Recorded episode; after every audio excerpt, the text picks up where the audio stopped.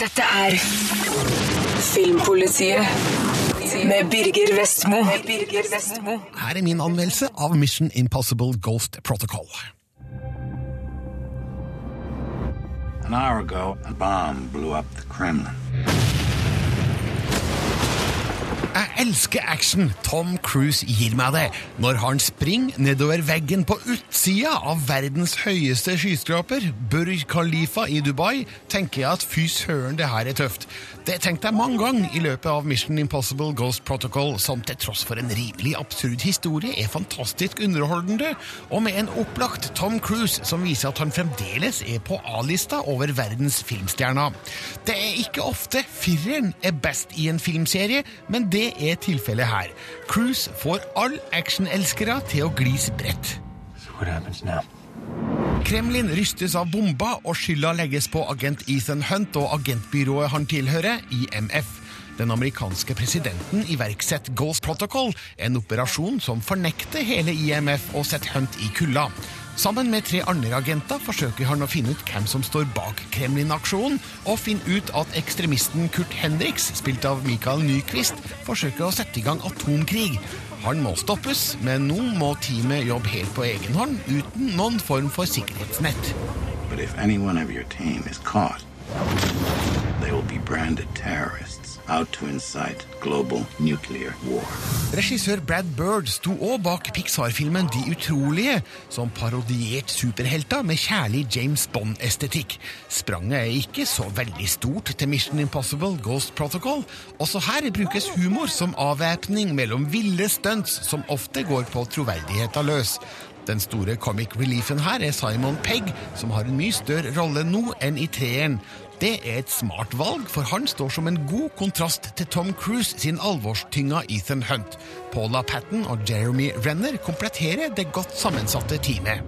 Who are you really, Brant? We all have our secrets.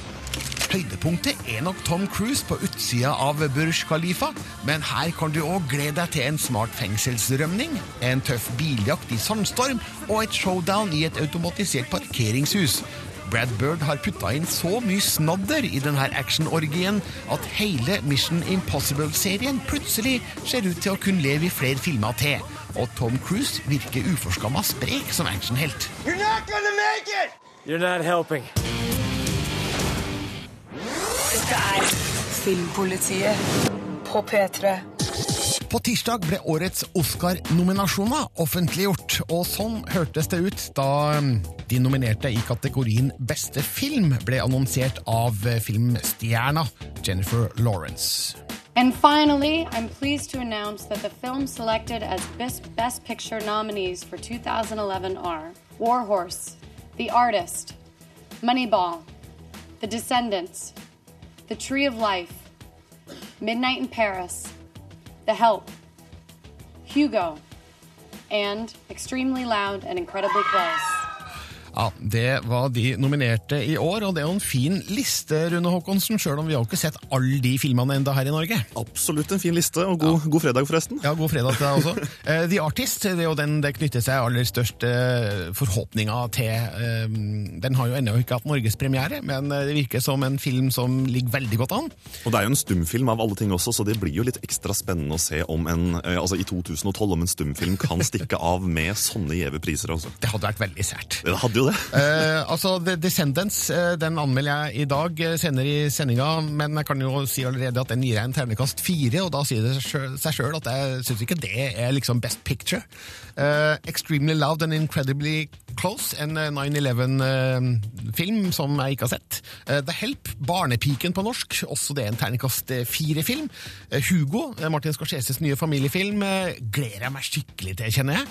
Ikke sett den ennå. Eh, mens eh, Midnight in Paris, Woody Allen, veldig søt, sjarmerende, men litt lett i Oscar-sammenheng. Ja, der er faktisk jeg litt uenig, for den syns jeg var en utrolig sterk film som har vokst på meg veldig mye i etterkant også, så at jeg syns den absolutt hører til her. altså. Ja, Vi får se da om Oscar-akademiet er enig med deg. Eh, Moneyball, også det en, en, en god, solid eh, film. Eh, veldig interessant, godt spilt og smart skrevet manus.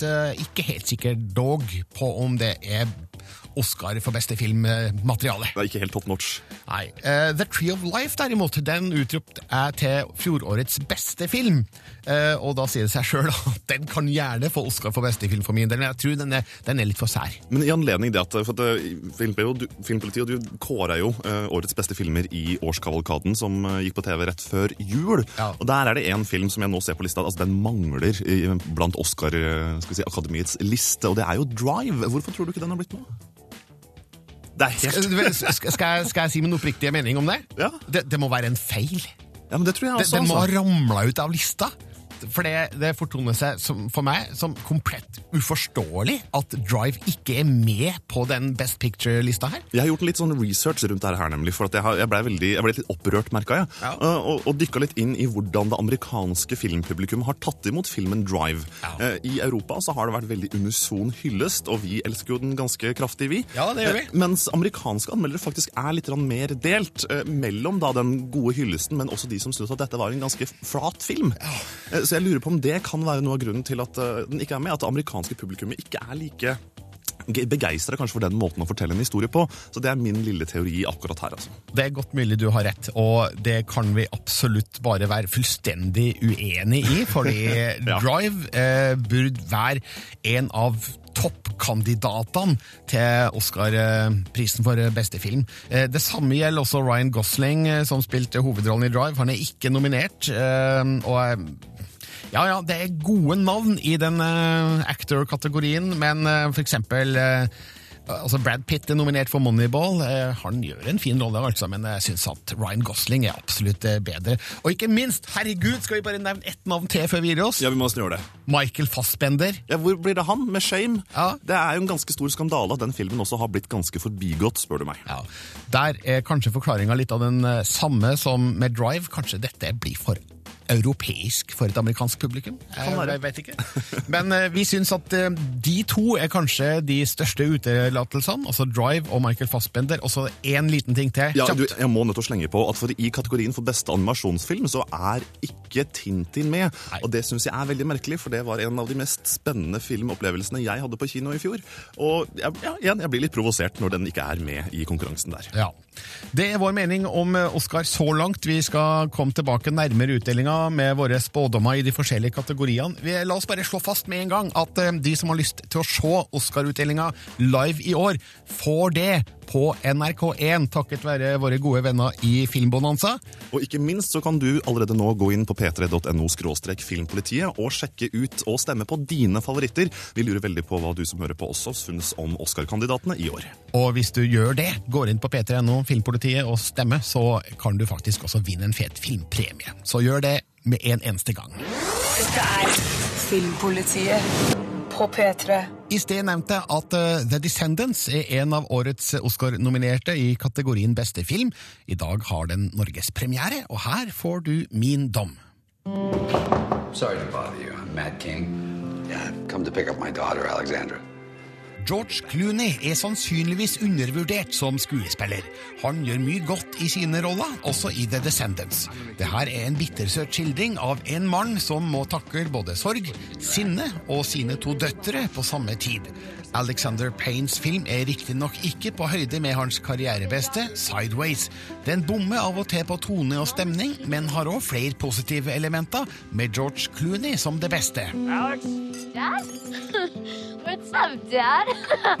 Han spiller Matt King, som er i ferd med å miste kona. Hun ligger hjernedød på sykehus etter en båtulykke.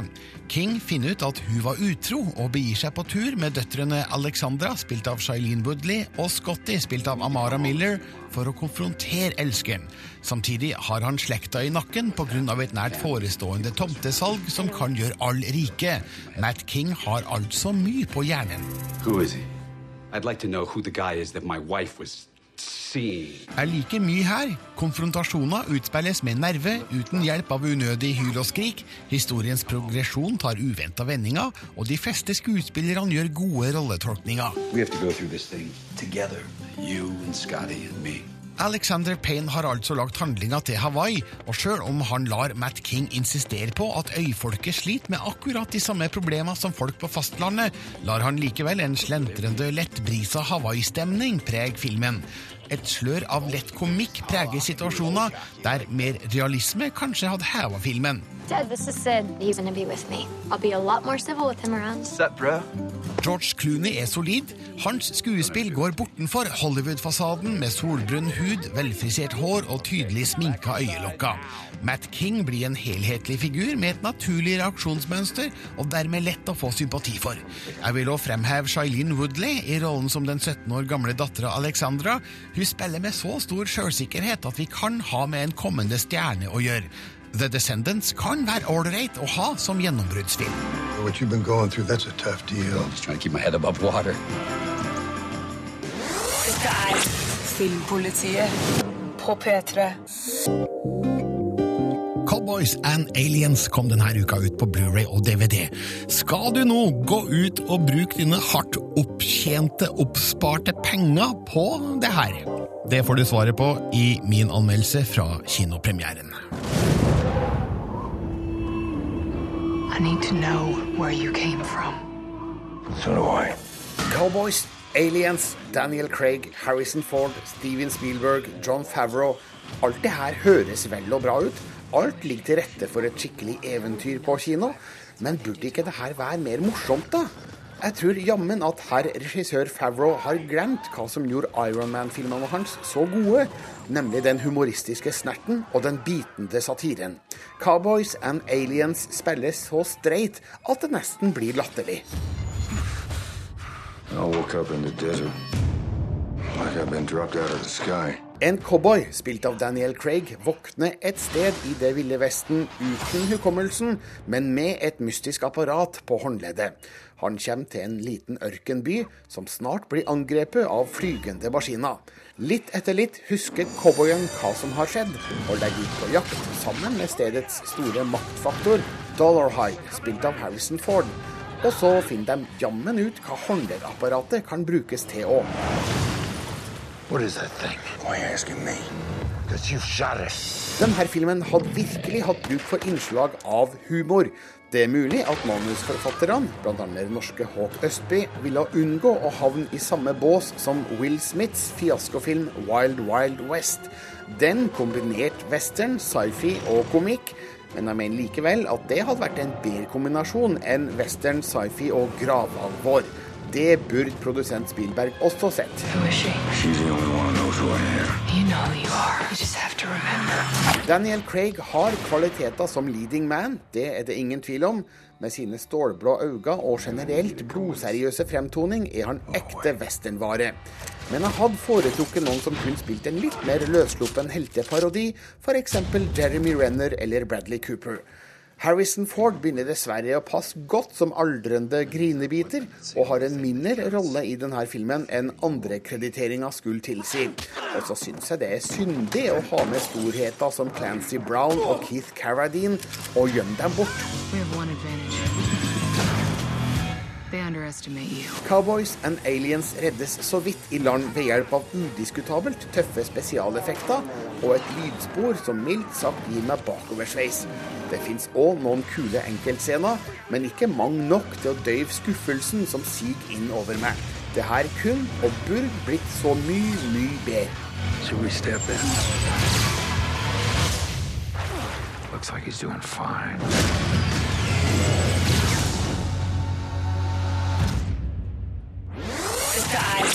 Filmpolitiet på P3. På tirsdag ble årets Oscar-nominasjoner offentliggjort. Du kan gå inn på p3.no slash filmpolitiet og stemme på dine favoritter i de viktigste kategoriene, og da blir det også med i trekninga av en kul Oscar-filmpremie. En av de nominerte filmene i år er da faktisk norsk. Det skjedde i eh, kortfilmkategorien, der Tuba Atlantic ble nominert. Ganske sensasjonelt. Veldig kult. Og eh, slik reagerte regissør Halvard Witzøe da han oppdaga at han var blitt nominert.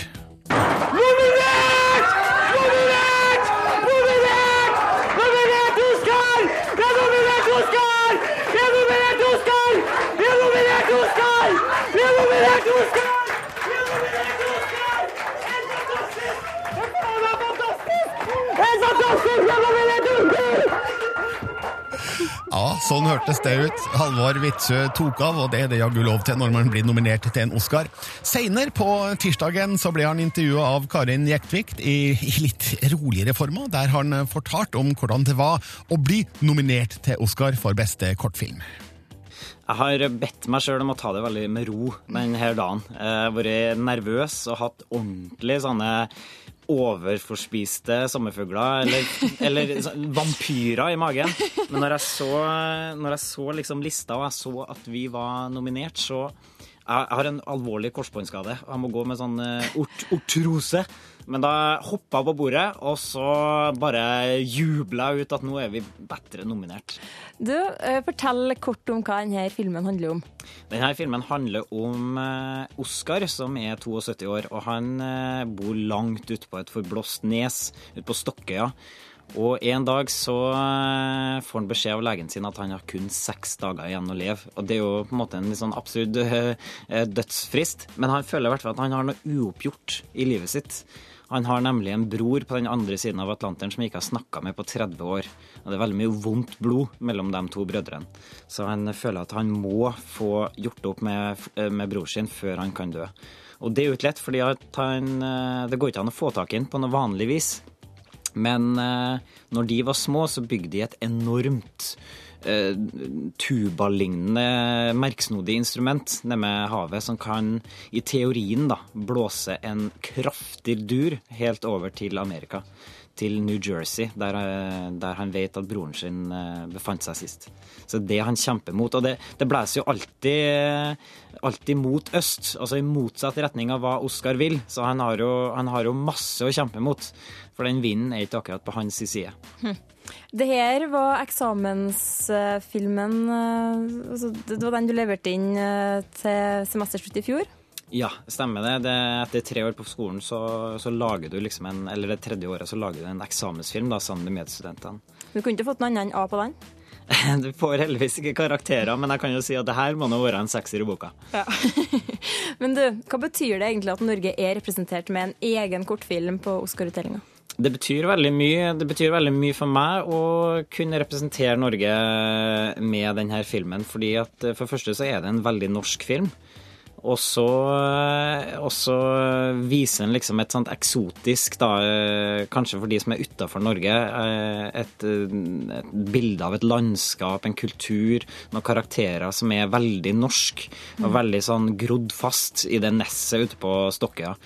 Så, så jeg, jeg, tror nok det er det som sjarmerer folk når de ser filmen. Det sa den Oscar-nominerte kortfilmregissøren Halvard Witzøe. Intervjuer var Karin Jektvik fra NRK Trøndelag. Natt til 27. februar får vi se om Tubo Atlantic faktisk når helt opp. Du kan se hele Oscar-utdelinga live via Filmbonanza på NRK1 natt til mandag 27. februar, altså. P3.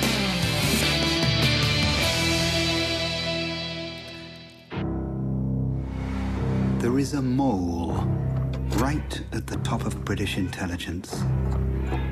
He's been there for years. For 25 years, we've been the only thing standing between Moscow and the Third World War. John Le Carrés klassiske spionroman 'Muldvarpen' er filmatisert usedvanlig stilsikkert av Thomas Alfredsson, svensken bak 'La den rette komme inn'.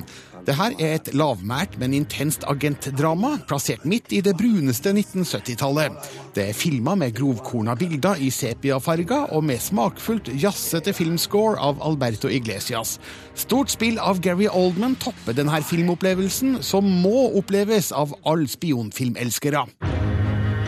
I know that it is one of these men. All I want from you is one code name. Tinker. Taylor. soldier, spy. Vi blir med inn i det aller helligste innen britisk etterretning, et senter kalt Circus. Året er 1973, og den kalde krigen mellom øst og vest er på sitt kaldeste. En britisk spion skytes i Budapest.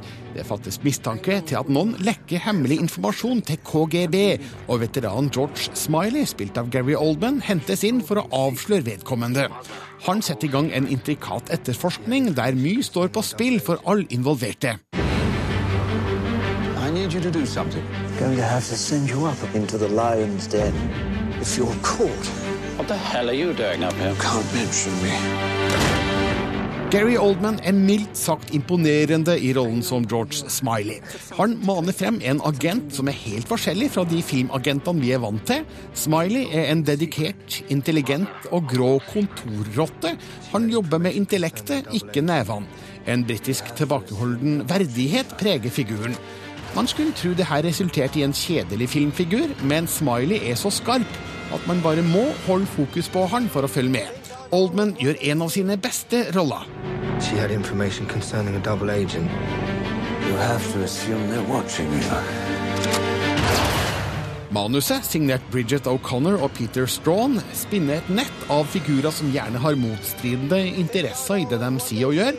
Deres egentlige roller og motiver blir ofte ikke klare før mot slutten av filmen. De her figurene er imponerende besatt av solide skuespillere som Colin Firth, Benedict Cumberbatch og Tom Hardy. Det her er kvalitetssikring på høyt nivå. Med det her har Thomas Alfredsson signalisert at La den rette komme inn ikke var et engangstilfelle. Han er virkelig en regissør av internasjonalt format. Dette er Filmpolitiet på P3. Du hører nå en podkast fra NRK P3. Hent flere podkaster fra NRK på nettsiden nrk.no podkast. NRK P3.